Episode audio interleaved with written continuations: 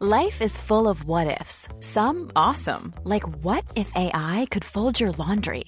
And some, well, less awesome, like what if you have unexpected medical costs? United Healthcare can help get you covered with Health Protector Guard fixed indemnity insurance plans. They supplement your primary plan to help you manage out of pocket costs. No deductibles, no enrollment periods, and especially no more what ifs. Visit uh1.com to find the Health Protector Guard plan for you.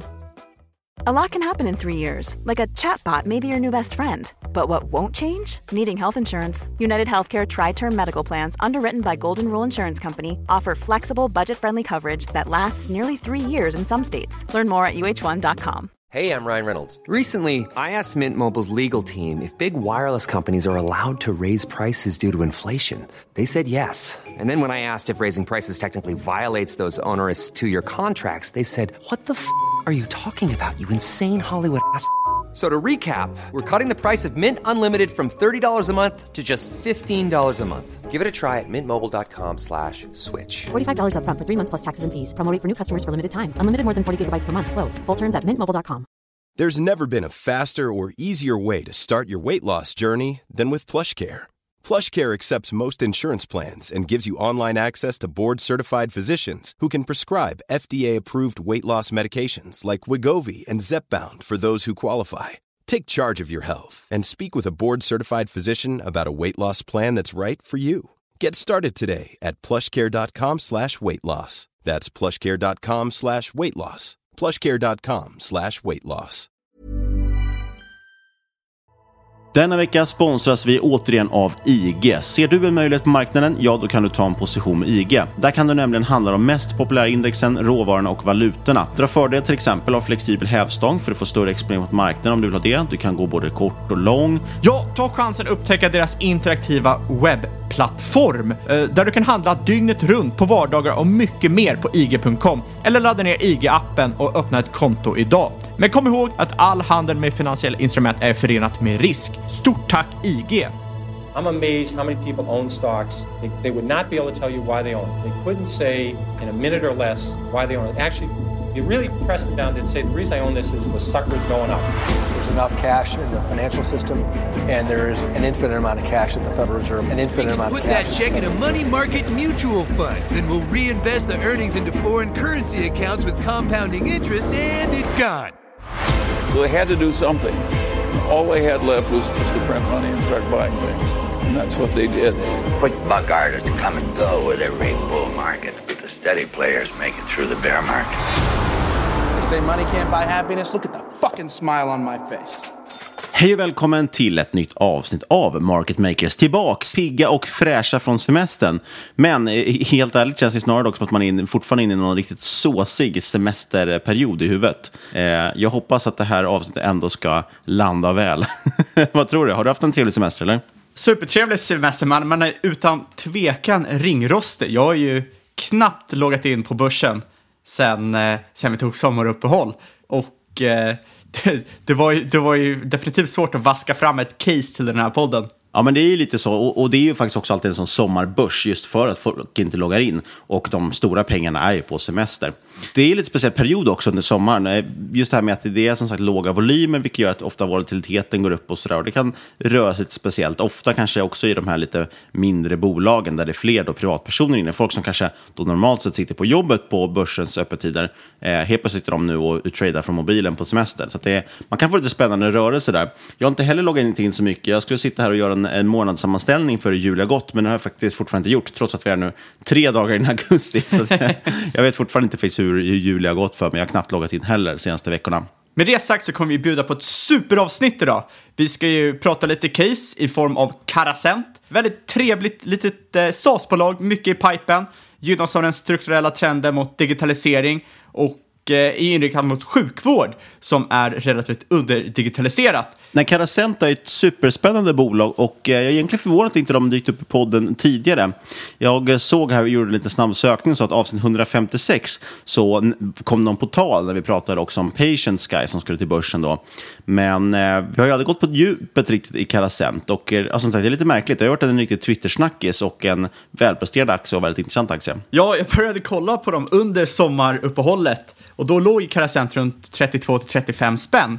Men idag per inspelning och ligger väl runt 43, uppvärdering på cirka 30 procent per månad. Och det är lite irriterande. Det vore extremt trevligt om man hade prickat den botten i podden. Med det sagt, jag tror inte resan är slut och därför tar vi upp dem i dagens, dagens avsnitt. Men man kunde haft lite mer tur med tajmingen. Men bara kort snabbt tillbaks till det här med sommarbörs. Nu är det ju trots allt äntligen augusti. Vi spelar in det här tisdagen den 3 augusti och ni som lyssnar på det, om ni lyssnar på lanseringsdatumet så är det i alla fall den 5 augusti. Och eh, det känns som att eh, 2020 det var ett extremt turbulent år. Vi hade total supernedgång i början på året och sen en superuppgång resten av året. Och 2021 har ju liksom fortsatt lite samma tecken men präglats egentligen av en otrolig riskvilja och eh, sanslös uppgång av många aktier. Så nu är det lite frågan vad som ska hända här i slutet på året. Eh, något som en del tar upp i den här oron för deltavarianten av coronaviruset. Jag tror att det är kanske lite överblåst, inte kanske ur hälsosynpunkt, det har jag inga, inga synpunkter om. Men ur ett börssynpunkt så känns det som att vi är liksom över det där lite grann med corona. Eh, framförallt tror jag inte man kanske skorar sig så mycket för nya nedstängningar. Det är väl framförallt Australien som fortfarande håller på med det som är Eh, väldigt extrema som. Sen hade vi också lite nyheter i gamingsektorn idag som var kraftigt ner. Eh, det var en artikel i en kinesisk propagandatidning där man då pratade om att spel i princip var opium för barn och så vidare. Det här ledde till att det gick ner jättemycket. Bland Tencent var ner 10-11 procent. Jag såg att svenska Embracer var ner typ 4 procent. Evolution var ner 4 procent och de sysslar inte ens med gaming så det är väldigt intressant. Men det är ju iGaming eller kasinospel och så vidare så folk brukar blanda ihop det. Så det kan ju vara ett eh, riktigt köpläge i sånt fall. Jag hade tyvärr inga pengar att köpa för så det, det var ju kört. Men eh, jätteintressant läge tycker jag om man gillar bolaget. Och det är väl lite klassiskt det här med att eh, vi har pratat om många gånger, att har man koll på sina bolag, man vet vad det är för någonting, då kan det komma ibland sådana här saker som någonstans ändå får ses som brus. Eh, den här artikeln drogs ju till och med tillbaks från tidningen ganska snabbt för att det saknade partistöd, så det var ju väldigt obefogad nedgång. Och eh, ja, det kan ju vara ett ganska intressant köpläge. Kina överlag har ju verkligen visat sig från sin värsta sida när det gäller börsen senaste tiden tycker jag. Det börjar ju till stor del, skulle jag vilja påstå, med när Jack Ma försvann, alltså Alibabas vd och grundare. Han bara försvann ju under en period. Sen dök han upp igen, men han har ju liksom blivit mer eller mindre avsatt från sin post. Eh, men han finns i alla fall fortfarande, lever fortfarande verkar det som. Eh, sen har man haft stora crackdowns på olika sätt mot olika bolag. Man har verkligen tagit i med hårdhandskarna. Det har varit flera amerikansk noterade kinesiska bolag som har fallit rejält. Eh, det värsta exemplet kanske är de här Didi som eh, noterades Så precis i samband med noteringen så gick kinesiska staten ut och med eh, ganska hårda ord som sänkte, sänkte den aktien direkt. Då. Så det känns inte som att man värnar så mycket sina kinesiska bolags intressen, utan snarare handlar det kanske som vanligt om att man inte vill bli utmanad, den kinesiska staten, och då går ut och tuffar till sig mot bolagen. Och det finns ju många fina bolag i Kina, Alibaba, Tencent med mera. Vi har ju pratat mycket om de här bolagen. Vissa av dem är väldigt innovativa och intressanta. Men personligen har jag faktiskt blivit väldigt avskräckt från Kina senaste halvåret, året sådär. Och eh, inte ägt särskilt mycket alls där. Det har ju varit väldigt intressant prissättning på de aktierna. De har varit ganska lågt värderade. Men jag tror tyvärr att det finns en anledning till varför de är så billigt värderade. Ja, det visar ju att den här Kina-risken kanske inte har varit eh, korrekt prissatt. Eh, med det sagt, så vid en viss prislapp så blir även den största bajspåsen intressant. Uh, är det dags för kinesiska aktier nu? Jag, jag vet faktiskt inte. Jag är inte tillräckligt insatt i de casen. Bara magkänslan skulle ju kanske säga att någonstans här måste det ju vara den mest extrema rädslan så att säga, för Kina-aktier. För nu är det ju bara negativt om det och vissa har gått ner extremt mycket från sina toppar. Eh, sen har jag inte personligen någonting alls i, i portföljen, så att, eh, så mycket conviction har jag. Men det känns ju, är man intresserad av den typen av bolag så är det säkert intressanta köplägen snart i dem. Ja, och vad jag har läst så finns det möjligtvis två anledningar till varför Kina gör det här. Och det är ett, de vill begränsa nätverk, nätverkseffektens makt i samhället. Eller två, de vill minska inflytandet och det de ser som produktivitetssänkande aktörer. Och då det första helt enkelt, det är en ombalansering av makten mellan stat och internetbolag. För om de kikar på bolag som till exempel Facebook, det är ett amerikanskt bolag såklart, men de flesta har en bättre koll på vad Facebook gör och vad, är, vad de är för någonting än ett kinesiskt bolag. Eh, då kan man ställa sig frågan, hur många stater i världen har egentligen mer makt än Facebook? Det är egentligen rätt få. Eh, Facebook, det är väldigt trevligt för aktieägare när de har ohämmad makt, men för samhället i sig så kanske det inte är så bra med privata aktörer som har den här typen av monopol eller semimonopol och extremt mycket makt, extremt mycket pengar. Ta till exempel Twitter när de bannlyste Donald Trump. Man kan tycka vad man vill om Donald Trump, men man kan också se att det kanske är ett problem att en privat aktör kan bannlysa en sittande president. För då minskar ju den presidentens relativa makt jämfört med andra aktörer i eh, politiken i USA. Så det finns ju en balansgång här mellan att tillåta tillväxt och innovation och att skydda konsumenter. Eh, man vill tillåta innovation, men inte till varje pris som helst. Man såg ju till exempel att kinesiska staten eventuellt skulle bannlysa privata skolbolag eller så här tutors, eh, tal till exempel. Och då såg man att de här kraschade cirka 70% över en dag. Men de här privata skolbolagen då, de kunde ju dra uppemot 30% av en familjs totala intäkter. Och det här var nästan som obligatorisk avgift för att den här eh, extra lärandet vid sidan om den ordinarie skolgången hade nästan blivit som obligatoriskt i det kinesiska samhället. Såg till exempel att Didi också, de hade samlat en olaglig mängd liksom personlig data. Så det är helt enkelt kinesiska staten bestyr om lite här. Och kollar man historiskt sett så har de alltid varit sena på bollen att skydda konsumenten. Så det här kanske är deras försök att vara tidiga snarare än för sena. Till exempel hade man en boom and bust-cykel, jättestor bubbla inom peer-to-peer lending 2015 eh, som skadade rätt många eh, retail-investerare. Helt enkelt för man var sena där på bollen med reglering. Och sen den andra är ju till exempel eh, vilka typer av bolag angriper Kina ju, nu? Det är inte bolag som till, till exempel Huawei, eller Huawei uttalas det, som tillverkar halvledare. Det är mestadels kinesiska FANG-aktier. Och man skulle kunna tänka sig att eh, många av de här bolagen kan tolkas som att de är nettonegativa för samhället.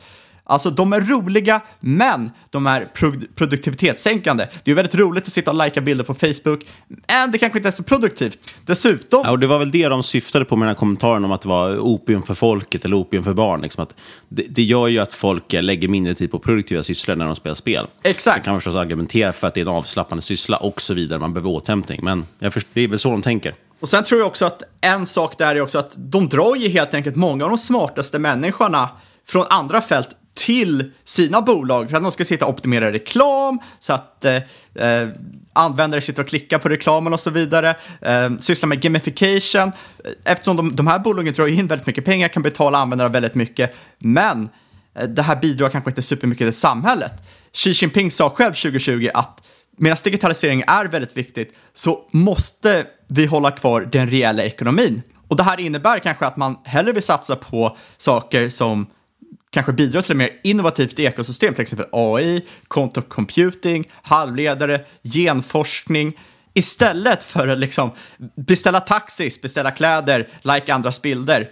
Eh, och troligtvis är det här för att det skulle gynna Kina mer som en stormakt. Så jag tror man ska ta det här i perspektivet också om man ska dippköpa i, i aktier. De kanske är, eller det här angreppet på de här digitala bolagen kanske är här för att stanna i Kina. Det är kanske inte är någonting som går över, över en natt. Och eh, med, med det sagt, jag vet inte om det här är botten eller om det kan fortsätta ner. Men jag kan tänka mig att Kina inte helt plötsligt kommer sluta angripa de här typen av bolagen. Eller de här typen av bolag. Däremot kan vi vara nog ganska eniga om att nedgången i till exempel Embracer som har väldigt begränsad aktivitet i Kina känns rätt obefogad. Absolut, Än det håller jag med till om. exempel bolag som Evolution som inte ens har, eller ja, de har i och för sig verksamhet i Kina på sätt och vis, men de håller inte ens på med gaming på det sättet. Så är det utan, utan, utan tvekan. Jag, jag menar ju kanske mer Tencent och Alibaba som många, jag vet många lyssnare är väldigt intresserade av. Om vi återgår i alla fall lite till vad, hur det ser ut här inför hösten och, och avslutande halvåret. Tittar man bland investerare så finns det fortfarande den här stora riskviljan känns som. Det känns som fortfarande att varje dipp är till för att köpas. Och det budskapet upprepas ju även av finanseliten, såsom till exempel eh, JP Morgan som jag såg var ute här om veckan och sa att det, varje svaghet de såg på börsen var ett köptillfälle. Eh, sen kan man i och för sig då kanske kontra det med att fråga sig vilka dippar de pratar om. Tittar man på S&P 500, alltså det stora breda amerikanska indexet, eh, där har haft närmare 200 dagar nu utan en 5-procentig korrektion. Och det är den längsta perioden utan en sån korrektion på, eh, eh på 100 år enligt Goldman Sachs. Eh, något i alla fall som talar för fortsatt uppgång på börsen, åtminstone artificiellt, då, det är väl att centralbankerna lär fortsätta trycka pengar. Det här är egentligen den, hela, den, den största frågan som alla ställer sig just nu kring inflation. Hur kommer centralbanker agera? Kommer vi få inflation av deras agerande och hur skulle de i så fall då kontra inflationen? För även om vi just nu ser inflation, vi har ju faktiskt stigande inflationssiffror, eh, så, så finns det liksom egentligen ingenting som talar för att någon kommer vilja försöka strama åt och försöka tillba- betala tillbaka de skulder vi har och höja räntor och så vidare. Jag tror att en, en hård räntepolitik och kanske ännu mer en tajt finanspolitik Eh, skulle innebära dels också att man visade svaghet någonstans. Det ser ut då som att man inte försöker och, och vill hjälpa till samhället. Om samhället, om vi får en, en, en recession till exempel, många nu har blivit av med jobbet med corona och så vidare.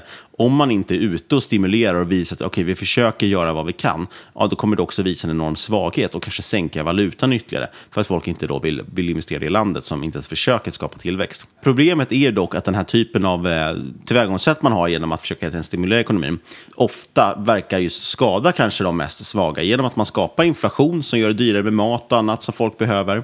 Eh, och de, tittar man liksom tillbaka till finanskrisen så ser vi att de enda som egentligen klarat sig bra genom det här, det är ju de som ägt tillgångar, för vi har haft en enorm tillgångsinflation. Så att ni som lyssnar på den här podden till exempel, som äger aktier, ja, det är ni som har klarat er bra, för de aktierna har blivit betydligt dyrare under de senaste tio åren.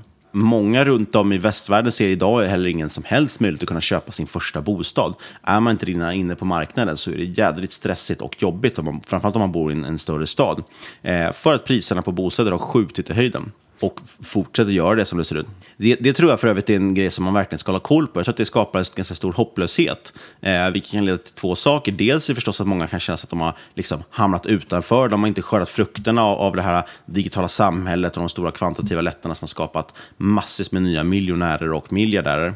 Eh, men dessutom kan det också leda till inflation på det sättet att ja, alla de här pengarna, du försöker egentligen spara till din kontantinsats, till din bostad, men priserna skjuter iväg snabbare än vad du hinner spara. Ja, och till slut någon gång ger du upp och då kommer du lägga de här pengarna antagligen på konsumtion istället, vilket då återigen leder till, till ett eh, större inflationstryck. Och det är, inte, det, det, är inte otroligt heller att man skulle tro att det leder till högre mängd populism i samhället. Desto mer des, eller ju mer desperat invånare blir, eller desperata invånare blir, desto högre sannolikhet att de jag menar, rör sig mot populistiska åsikter, vilket är rätt oroväckande för folk som till exempel aktiesparar. Ja, men precis. Och det är det jag tycker vi har sett de senaste åren. Alltså, det har ju pratats jättemycket om det här wealth gap, alltså liksom, eh, inte inkomstklyftorna utan snarare rikedomsklyftorna. Vilka har mest tillgångar? Eh, och i och med att vi har tillgångsinflation, ja då aktiepriser och så vidare stuckit iväg exponentiellt, vilket gör att folk som Jeff Bezos och Mark Zuckerberg och så vidare som, som äger de här stora techbolagen ser ju enormt mycket rikare ut än tidigare. Så vi har fått liksom, klyftan har ju vidgats, egentligen artificiellt, men det spelar ingen roll. Folk kommer ändå se det där och känna sig, känna sig lurade. Liksom. Eh, och vi ser folk inom techsektorn som tjänar enorma pengar och får enorma löneökningar, medan resten av sektorerna eh, kanske inte får så mycket löneökningar, snarare kanske automatiseras bort och i och med corona till och med tappar sina jobb. Den stora frågan, knäckfrågan, det är ju liksom om det här kommer bli riktig inflation eller, eller inte. Eh, vi har ju sett nu tydligt, tydligt ökade inflationssiffror från till exempel Fed, men de hävdar att det kommer att vara övergående. Eh, och jag tror faktiskt att det till viss del det stämmer. Jag, jag, jag hoppas åtminstone på det. Eh, för jag tror inte vi kommer ha någon jätteextrem inflation kanske. Eh, och jag tror därför att de officiella siffrorna kommer sjunka en del inom några kvartal.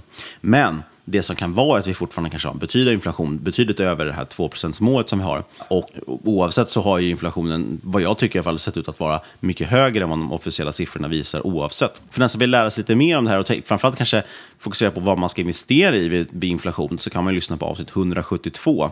Den korta versionen av det avsnittet var väl att vi sa köp bolag med digitala affärsmodeller och höga marginaler. det är väl ungefär ja, samma det, budskap som och, alltid och, har. Vi ska ju påpeka att det är inte ord från oss, det är ord från Warren Buffett och hans eh, shareholder letters, där han säger det rakt av. Det, det är det här man ska göra, eh, ökad inflation, vilket är tvärt emot vad många eh, investerare faktiskt tror. Ja, precis. Och kontentan är att typ man ska göra asset light companies, det vill säga tillgångslätta bolag egentligen. Eh, eh, apropå legendarer som Warren Buffett så såg jag också att legendaren Stanley Druckenmiller var ute nu och kritiserade det här nya infrastrukturpaketet från Biden-administrationen.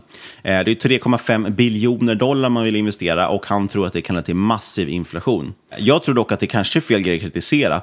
Alltså Feds agerande har ju som sagt varit ganska uselt de senaste tio åren.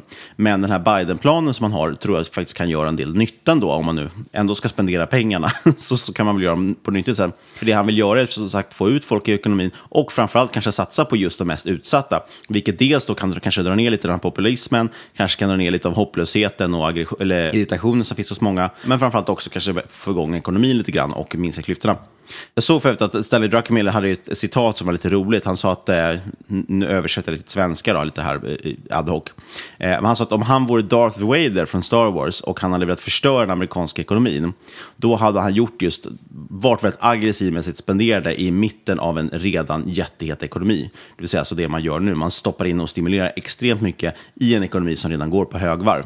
Och det han menar på att man kommer få ut det här, det är då en sugar high. Alltså det kommer egentligen bli hög på, en, en sockerkick helt enkelt. För först kommer du då få högre inflation och sen kommer då den ekonomiska nedgången.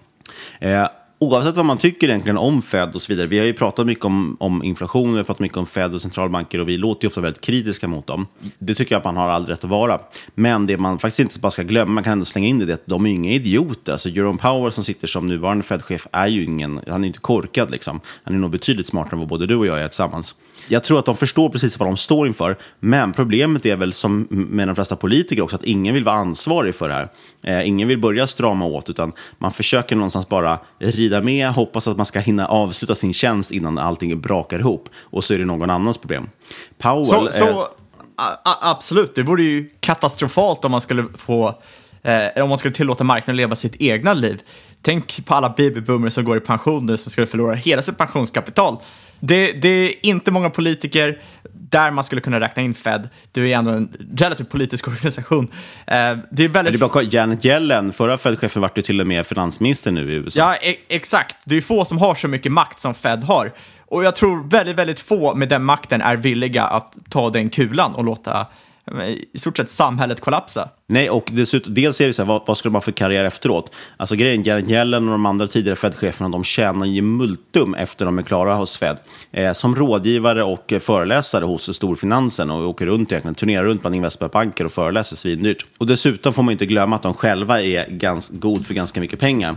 Tittar vi till exempel bara på Jerome Powell så har jag en net, net worth kring någonstans 500 miljoner tror man. Så det är liksom inte så att de sitter på några små pengar själva och de där ligger antagligen i ganska mycket aktier också kan man tänka sig. Men nog om det. Augusti i alla fall här. Det brukar i stort vara en svag månad. Men sen då förhoppningsvis så ska väl september och framförallt slutet på året bli betydligt bättre om man nu ska tro på de här säsongsmönstren som finns. Jag tror att det är många som är överens om att de tror det i alla fall och hoppas på det. Det fortsätter vara intressant i alla fall oavsett att syssla med börsen. Det känns som att det, det, det händer ju alltid någonting. Det är det som är så roligt. Det kommer nya händelser, det kommer nya bolag och nya nyheter. Men det man inte ska glömma bort, tycker jag, det är att det fortfarande är den fundamentala utvecklingen i bolagen som i slutändan ska driva aktieutvecklingen. Så att därav, som jag sa till exempel, när ett bolag är ner 4% på nyhet som kanske inte ens berör det bolaget, inte ens rätt bransch, ja, då kanske man ändå ska fundera på om det är ett köpläge. Nu ser jag inte just att det här är ett köpläge, men... Jag tänkte bara kommentera lite snabbt innan det här med att du sa att JP Morgan var ute i veckan och sa att varje svaghet var ett köptillfälle. Det påminner ju lite om han vdn Chuck Prince på Citibank 2007. eh, Man sa att man ska dansa att, så länge musiken spelar. Ja, exakt. Eh, utan att veta att vi var inne i en, eh, ja, det som skulle bli finanskrisen och börsen totalkraschade någon månad senare. Precis, det är en sak man kan säga säkert om makroekonomi i alla fall och det är att ingen vet någonting om hur det ska bli. Och med det kanske det passar ganska bra med att påminna att inte vi håller på med någon rådgivning eller rekommendationer på den. Vi berättar om vår process, hur vi tänker, men du måste alltid göra din egen analys och glöm aldrig bort att alla investeringar är förknippade med risk. A lot can happen in the next three years. Like a chatbot maybe your new best friend. But what won't change? Needing health insurance. United Healthcare Tri Term Medical Plans are available for these changing times. Underwritten by Golden Rule Insurance Company, they offer budget friendly, flexible coverage for people who are in between jobs or missed open enrollment. The plans last nearly three years in some states, with access to a nationwide network of doctors and hospitals. So, for whatever tomorrow brings, United Healthcare Tri Term Medical Plans may be for you. Learn more at uh1.com. There's never been a faster or easier way to start your weight loss journey than with PlushCare. PlushCare accepts most insurance plans and gives you online access to board-certified physicians who can prescribe FDA-approved weight loss medications like Wigovi and Zepbound for those who qualify. Take charge of your health and speak with a board-certified physician about a weight loss plan that's right for you. Get started today at plushcare.com slash weight loss. That's plushcare.com slash weight loss. plushcare.com slash weight loss. Hi, I'm Daniel, founder of Pretty Litter. Did you know cats tend to hide symptoms of sickness and pain? I learned this the hard way after losing my cat, Gingy. So I created Pretty Litter, a health monitoring litter that helps detect early signs of illness by changing colors, saving you money and potentially your cat's life. Pretty Litter is veterinarian developed, and it's the easiest way to keep tabs on your fur baby's health right at home. Go to prettylitter.com and use code ACAST for 20% off your first order and a free cat toy. Terms and conditions apply. See site for details. Quality sleep is essential. That's why the Sleep Number Smart Bed is designed for your ever evolving sleep needs. Need a bed that's firmer or softer on either side? Helps you sleep at a comfortable temperature? Sleep Number Smart Beds let you individualize your comfort so you sleep better together. JD Power ranks Sleep Number number 1 in customer satisfaction with mattresses purchased in-store. And now, save 50% on the Sleep Number limited edition Smart Bed for a limited time. For JD Power 2023 award information, visit jdpower.com/awards. Only at a Sleep Number store or sleepnumber.com. Wow. Nice. Yeah. What you're hearing are the sounds of people everywhere putting on Bombas socks, underwear, and t-shirts made from absurdly soft materials that feel like plush clouds. Yeah, that plush. And the best part? For every item you purchase, Bombas donates another to someone facing homelessness. Bombas. Big comfort for everyone. Go to bombas.com slash ACAST and use code ACAST for 20% off your first purchase. That's bombas.com slash ACAST. Code ACAST. Idag ska vi då snacka om Carasent, ett norskt noterat investmentbolag som investerar i digitalisering av sjukvård i Skandinavien. Man har just nu tre dotterbolag, Evimeria med cirka 60 procent av omsättningen, Avansoma med 18 procent och Metodika med 22 procent. Vi kommer fokusera rätt mycket på Evimeria eh, just nu eftersom de två andra är uppköp som skett rätt nyligen och inte är helt integrerade än i verksamheten, men som framöver kan ge väldigt fina synergier. Som sagt, fram till nyligen så hade Carasent en enda tillgång i sin investeringsportfölj. Det var Evimeria EMR AB. Och det är ett SaaS-bolag som säljer elektroniska journalsystem, EMR som det kallas, sjukvården i den svenska marknaden. Och EMR-system de är rätt kritiska för hälsovården för de kompilerar all data om patienterna och är en av de huvudverktygen som anställda använder i sitt jobb. Det här EMR-systemet som Evimeria har kallas WebDoc. Det är helt molnbaserat och kontrakten är så kallade on demand, det vill säga att kunder betalar efter hur mycket de använder tjänsten. Och det är, vad jag vet i alla fall, det enda systemet som har den här typen av flexibla betalningslösning. Och det gör ju att startup-kostnaden är väldigt låg och det drar till sig bland annat många mindre kunder samt att man har möjligheten att växa med kunderna. För när kliniker blir större så ökar ju användningen av de här EMR-systemen och ja, då får man in mer pengar eftersom man betalar på en eh, on-demand basis. Och det där är rätt intressant, eh, och, och speciellt när man spanar på kundlistan, för att som du säger, att man växer med kunderna. Det som dock jag har känt varit det kanske ett problem med, med Carasents eh, system, eller WebDoc, då, är väl att eh, ja, många av de här, man har inriktat sig på små kliniker, men många av de klinikerna idag blir uppköpta av större privata aktörer. Men där känns det ganska ändå tryggt tycker jag när man börjar gräva lite. För att idag är det runt 500 kliniker som använder WebDoc och där ingår ibland till exempel Capio, Aleris, eh, Doktor.se. Så, så det, det är ju ändå en del större vårdbolag där som är de här förvärvande bolagen också. Som, så att många kliniker sväljs ju också in av större kliniker eller större bolag som, som redan nyttjar WebDoc. Så att man har en väldigt stark eh, position minst sagt. Och eh, som du sa så växer man ju även med de här, med de här kunderna. Ja, exakt. Och historiskt sett har man en fantastisk kundtillväxt, cirka 30% om året de senaste fem åren. Det har kommit nu, ner lite nu, eh, cirka 25% sedan 2019, men fortfarande en fantastisk tillväxt. Det som imponerar allra mest är att historiskt så har systemet haft en extremt låg churn rate, har legat under 1%, vilket utan tvekan är best in class. De här systemen blir ju ändå allt mer integrerade över tid i verksamheten hos kunderna och livslängden hos en kund är cirka 10 till 15 år på ett sånt här system. Så när Evimeria väl kommer in hos en kund, ja, då kan man förvänta sig kassaflöden från den kunden i 10 till 15 år. Och det som är extra intressant med WebDoc, alltså den här tjänsten då som Evimeria har, och Evimeria är ju då portföljbolaget hos Carasent. Eh, det som WebDoc då har möjlighet till är många integrationer. Så att det här EMR-systemet ska kunna bli den enda kontaktpunkten för användarna och tillåta dem att skräddarsy sin upplevelse. Här snackar vi allting från e-brev, kallelser, patientöversikt, e-recept, e-journaler, kassor, fakturering, rapportering, alla typer av integrationer med andra system. Och många av de här tjänsterna är utvecklade av små bolag som vill ha tillgång till Evimerias kundbas. Och det här gynnar ju Evimeria som får en extremt stort utbud av integrerade tjänster. Det blir en extremt fin nätverkseffekt. Och ju fler tjänster de har, desto fler potentiella kunder kan de ju locka in till sin produkt. De utvecklar ju såklart även egna produkter, så det gäller att ha en rätt känslig balansgång där så man inte skrämmer bort de här tredjepartsutvecklarna som just nu är otroligt viktiga för Evimeria.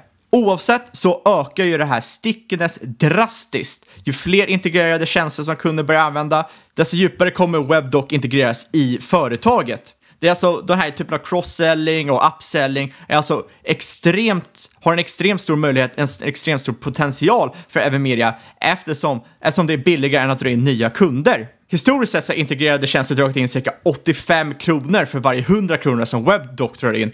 Men 2020 så växte integrerade tjänster med cirka 50% year on year och översteg WebDoc med stor marginal. Så här finns det fortsatt väldigt hög potential att växa. Och det är det här vi alltid pratar om med SaaS-bolag, att man vill ju ha upsellingen. Man vill dels inte att kunna lämna, men man vill också kunna liksom, tjäna mer på varje kund som man drar in också. Exakt, det är otroligt viktigt. Sen har Evimeria också en konsultarm, sysslar med implementation och utbildning, står för cirka 10% av intäkterna.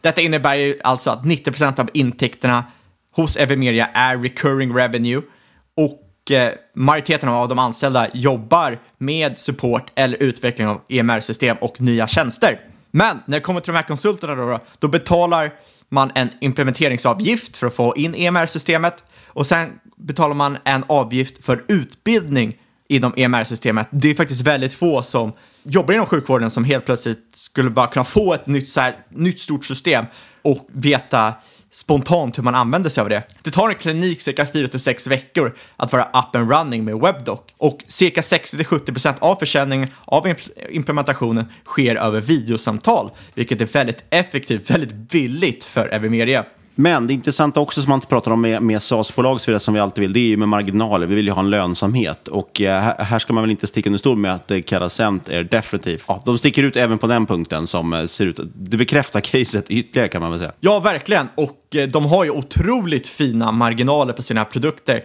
Eh, WebDoc, bruttomarginal på cirka 100%. De här integrerade tjänsterna har en snitt bruttomarginal på 55%, rör sig mellan 80-20% beroende på vilken produkt det är. Men det är fortfarande väldigt högt allt som allt. Och målet är ju att, likt det man har gjort historiskt sett, att öka kundbasen med 30% om året. Men ska man vara lite konservativ här så kanske det inte är riktigt rimligt att räkna in det här i sin kalkyl eftersom det trots allt har trendat neråt mot liksom 25%, lite under 25% till och med. Så det kanske är rimligt att man framöver siktar mot en kundtillväxt på 15%. Men med det sagt så utan nya kunder så säger Caracent att Evimeria kan växa med cirka 8 till 9 procent, alltså omsättningen 8 till 9 procent per år på grund av bland annat prishöjningar som är inskrivna i kontrakten, eh, ökade intäkter från växande kunder och lite andra saker. Och så har man en net retention rate som ligger på mellan 115 till 120 procent. Det är alltså från den här upsellen, hur mycket man ökar intäkterna från kund varje år för man säljer på de nya produkter. En annan intressant aspekt med Evimeria är att kunderna förskottsbetalar tre månader i förväg, vilket är extremt bra kassaflöde till bolaget. Det här är ju relativt unik eh, företagsmodell. För de, de, de, flesta betalar liksom när de använder produkten eller till och med i efterhand, vilket gör ju att ja, bolag måste ju jaga för att få in de här eh, pengarna. Det slipper Evimeria göra, för de tar ju allting upfront. Extremt intressant och det gör ju att de alltid kommer ha en väldigt fint kassaflöde. Men om man snackar marknaden då, då Privat primärvård har växt cirka 11 procent om året sedan 2009. 2018 var den privata primär och specialistvården i Sverige värt cirka 56 miljarder kronor, varav 45 procent av primärvården och 20 procent av specialistvården var privat. Eh, framöver kommer den underliggande tillväxten inte vara så hög som den varit, kommer vara några enstaka procent. Men det är också viktigt att påpeka att cirka 50% av den privata marknaden är just nu off-limits för Webdoc. Och det här är helt enkelt på grund av byråkrati i Sverige. Eh, regioner har kontrakt som tvingar eller inte alla regioner, vissa regioner har kontrakt som tvingar privata aktörer att ha samma system som offentliga aktörer. Det där är ju en stor grej överlag i, i Sverige som man pratar om. Eh, Just att regionen också ofta har ju olika system. Någonstans hade man ju velat kanske, nu är jag verkligen ingen expert på det här, men någonstans känns det som att man åtminstone kunnat samköra så att man hade en gemensam standard som alla journalsystem gick mot. Men man har ett problem med det där med att det typ postas eller om det till och med faxas journaler mellan eh, regioner för att de inte är kompatibla med varandras system. Och det där är väl då åtminstone ett försök att inom regionerna säga att okej, okay, inom den här regionen kör vi det här systemet så att vi i regionen kan prata med varandra. Absolut, och som jag förstår det i överlag hela journalsystemet som man historiskt sett använt i Sverige och i andra länder extremt underdigitaliserat, extremt menar, dåligt genomfört och orsakar otroligt mycket problem, kostar otroligt mycket pengar för sjukvården. Och, eh, men det här leder ju också till att Evimeria har, så vet jag vet, endast privata kunder. Och eh, det här leder ju också till Eh, en relativt stor risk för bolaget. Privat sjukvård är ju ett väldigt hett ämne i Sverige. Det är väldigt många som är emot eh, privat sjukvård, att man ska kunna tjäna pengar på privat sjukvård, eftersom det är ändå skattebetalarna i Sverige som frontar den privata sjukvården. Så det är ju helt klart en risk. Dessutom är ju, skulle de vilja sikta på offentliga sektorn så är ju de väldigt svåra targets Eh, just eftersom regionen då bestämmer systemen. Det blir ju en helt annan affärsmodell, för då ska man in i, i offentliga upphandlingar och så vidare. Så Exakt. Det, det, blir en svår, svår sek, eller svårare kund att gå efter. Och som du säger, det finns definitivt en politisk risk och det ska man ta med sig in i det här caset tycker jag. Exakt, och det, det tycker jag ändå är liksom den bland, bland den största risken. Man, som vi pratade om tidigare avsnitt, hur populismen har ökat de senaste åren. Eh, jag menar, pr privat sjukvård, populistiskt sett i alla fall, så tenderar ju folk att säga att det gynnar ju bara de rika. Ehm, och, eh, så så, så, så det, det, är ju inte otänkbart att privat sjukvård kan bli en ännu större target framöver. Så jag tycker ändå man ska ha den risken i bakhuvudet. Med det sagt, snittintäkten per kund ligger på cirka 130 till 140 000 kronor per år. Eh, motsvarar cirka 1,5 procent av kundens totala omsättning. Det är cirka 100 000 kronor högre för primärvård och lite lägre för de andra områdena. Men liksom, om man slår ihop det här så ligger snittet på 130-140 000. Eh, och det här är alltså då för både Webdoc och de integrerade tjänsterna. Som jag sa, för varje 100 kronor som Webdoc drar in så drar de här integrerade tjänsterna in ungefär 85 kronor. Så tjänsterna är alltså väldigt viktiga för Vimerias framgång. Och den här EMR-marknaden, den är inte särskilt stor i Sverige. De konkurrenterna som finns fokuserar främst på offentliga sektorn. Som Niklas sa är det egentligen en helt annan affärsmodell. Det går inte bara hoppa fram och tillbaka mellan privat och offentlig sektor. Det kräver ju en viss expertis att hålla på med offentliga upphandlingar. I och för sig säkert en kompetens de kan eh, förvärva kan jag tänka mig, men, men det är ett annat upplägg. Liksom. Exakt, ehm, och helt enkelt har det så att den privata sektorn för EMR har troligtvis vara för en liten marknad för att konkurrensen ska tycka att det är gynnsamt att gå in just nu och konkurrera med till exempel Carasent. Eh, men allt eftersom marknaden växer, Evimeria blir allt större, tar en större marknadsandel, eh, så kommer de ju ha ett allt större försprång i utvecklingen om det kommer in nya konkurrenter. Deras marknadsandel ligger idag på cirka 10 procent. De är näst största aktören. De satsar på cirka 30-40 procent inom några år. Den största aktören i Sverige inom privat eh, ERM-system, ett bolag som heter CGM, har cirka 30-40% av marknadsandelare, är lite av en sleeping giant, är inte så innoverande, solid bas i Stockholm och Gotland, inte i så många andra regioner. Så skulle de torska de här kontrakten så ja, då är de nog inte så långlivade i Sverige eftersom det är faktiskt ett tyskt bolag bakom. Och det här kan faktiskt vara en möjlig intressant katalysator för Carasent från till exempel Stockholm eller Gotland skulle bli ledigt. Det är rätt mycket invånare där, rätt jättemånga eh, många nya möjligheter. Sen finns det även eh, offentliga aktörer som sagt som Cambio och såklart flertalet mindre aktörer, till exempel Clinic Buddy, som jag tycker man borde hålla koll på, för de växer väldigt snabbt och de satsar på low-end-marknaden.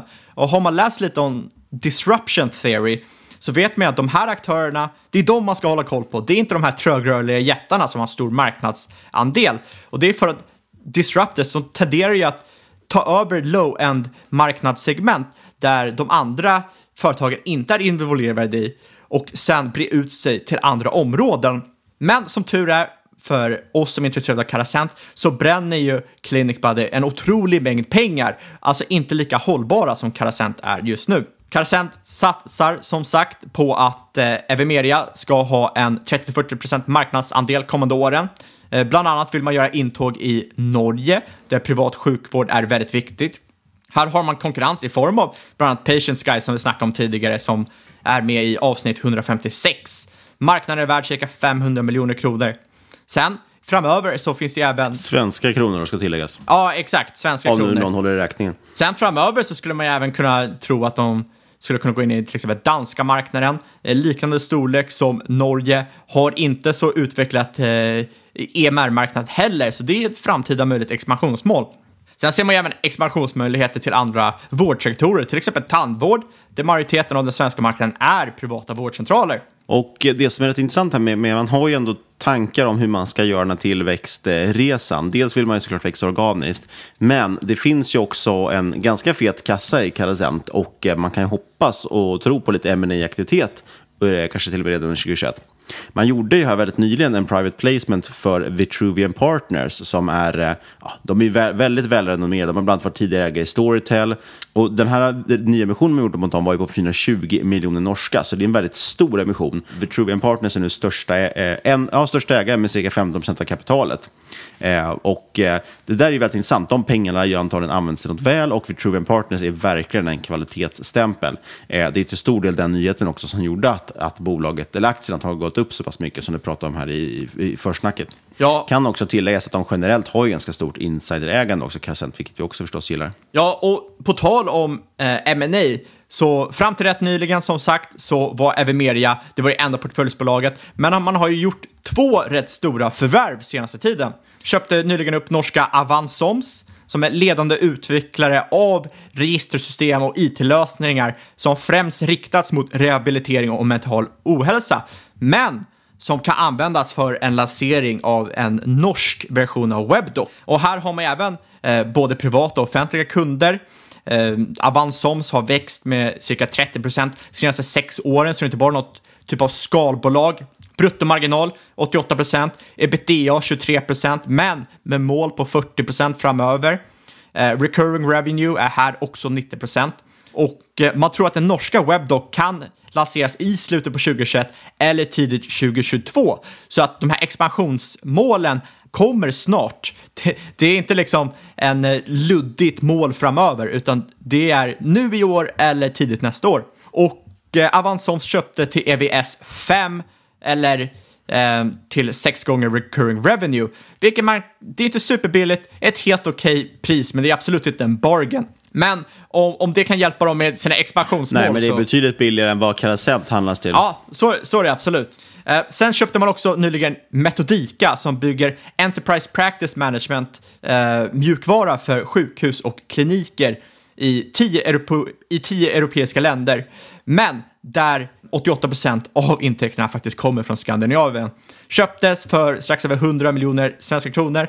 EVS 3,9 med en 10-procentig tillväxt. Ja, och apropå de här siffrorna så kan vi kanske avsluta här lite med just siffror kring Carasent. Jag sa ju det att de, de själva handlas ju betydligt högre än eh, EV Sales 4. Men om man börjar titta lite på hur faktiskt bolaget utvecklas, det fundamentala, så är det så att kundbasen och omsättningen den har växt runt 30-40 procent sedan 2015. Eh, man pratar om en 30-40-50 relation, det vill säga kundbasen, när den växer 30 procent, då kommer omsättningen växa med 40 procent, man har alltså marginalförbättringar då, eh, och ebit växer med 50 procent. Det tyder ju alltså som sagt på väldigt bra skalfördelar, vilket vi förstås gillar. Eh, och kundtillväxten den har ju stagnerat något nu i Evimeria sedan 2019, eh, men den är fortfarande över 20 procent. Och framtiden tror man sagt ligger mycket i upp, upselling. Det kanske inte kommer finnas så enormt mycket fler kliniker att gå till, utan det handlar om att nyttja eller få in mer produkter på de kliniker man har. Eh, och som vi var inne på, för varje 100 kronor man drar in i webdoc-avgift så har man också kunnat dra in cirka 85 kronor då för de här tjänsterna man adderar på.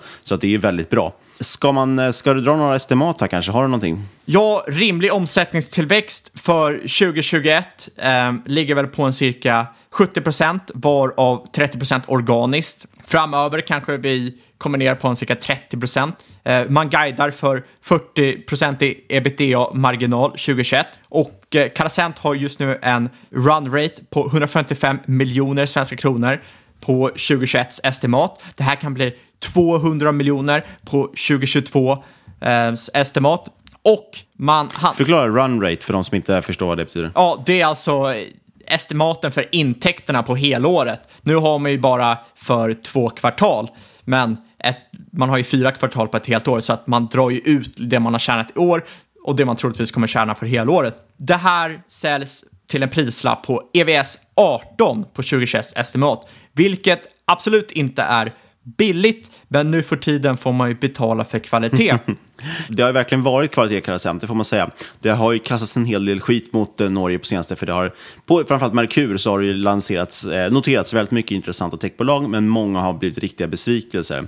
Eh, trots ofta att kanske bolagen utvecklas intressant. Karasent dock är ju ett av de bolag som faktiskt har gått riktigt bra för Norge, så det har varit rätt roligt. Eh, men sagt, EV Sales på 18, vi talar alltså 18 gånger årsvin, eller årsomsättningen eh, på den förväntade omsättningen för 2021. Det är väldigt dyrt, det måste man ändå säga, men det är ett intressant bolag att hålla koll på. Och det kan man väl sammanfatta det med att det är ett intressant bolag eh, generellt, eh, med mycket pipen dessutom. Det kommer som sagt förhoppningsvis mer ma aktivitet man har fått in nya intressanta ägare, fått in nytt fräscht kapital eh, och man har låg churn, man har bra tillväxt, bra affärsmodell. Det är allt det här man vill ha i ett SaaS-bolag, men då får man också kanske betala en SaaS-multipel på det. Ja, eh, exakt. Det är ett otroligt intressant one-stop shop-ekosystem. Låg churn, bra tillväxt, men otroligt intressant eh, affärsmodell, men lite ja, det, det, kostar ju som sagt. Så ett bolag att hålla koll på, eller så kan man göra så att man bara köper nu, buy one, buy once, cry one som de säger också. Det kan ju vara så att det här bolaget kommer fortsätta utvecklas väldigt rejält. Så länge man inte får en, en, en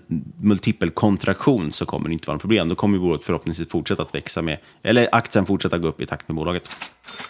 Ja, äger du några aktier i Carasent innan vi går vidare? Nej, jag eh, var alldeles för eh, sommarledig när jag började kika på de här, så jag eh, hade inte rätta klickfingret med mig. Det hade varit otro otroligt intressant. Ja, och jag har ägt eh, aktier i Carasent tidigare, men gör inte just idag.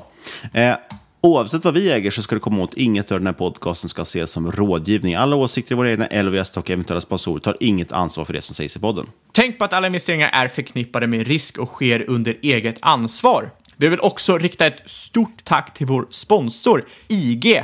Gå in på ig.com eller ladda ner deras app. Och ni kan jättegärna kontakta oss på podcast.marketmakers.se eller på Twitter at marketmakerspod där ni också hittar min och Fabians eh, privata Twitter så att säga. Ni får jättegärna också lämna recension på iTunes, precis som vanligt. Det hjälper podden jättemycket faktiskt, mer än vad ni kan tro. Eh, och det tar väldigt lite tid att göra det. Och sist, men absolut inte minst, vill säga stort tack för att du har lyssnat. Nu är vi igång igen Fabian, det känns fantastiskt. Vi hörs igen som vanligt om en vecka.